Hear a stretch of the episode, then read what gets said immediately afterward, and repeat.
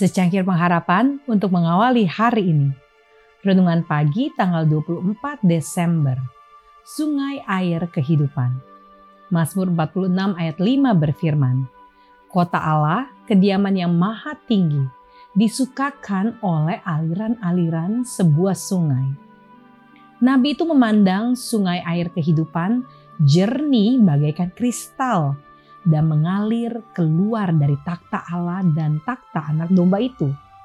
Dan di seberang menyeberang sungai itu ada pohon-pohon kehidupan. Dan maut tidak akan ada lagi.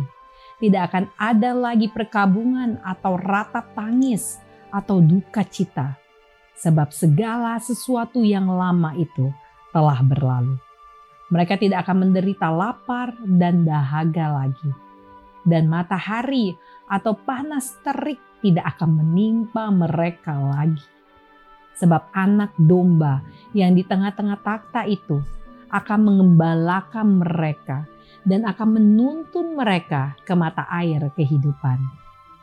Aduh, bahasa apa yang dapat digunakan untuk menyatakan kemuliaan dunia yang akan datang? Saya haus akan sungai hidup yang menyemarakkan kota Allah kita.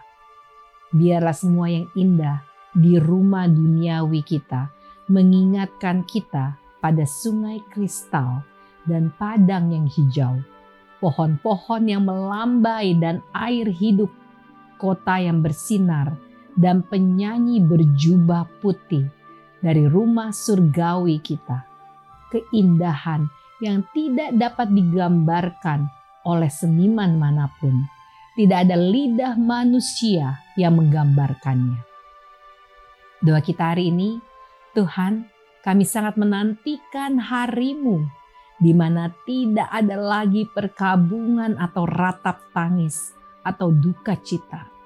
Bantulah kami untuk terus setia dan sabar akan menanti kedatanganmu. Amin.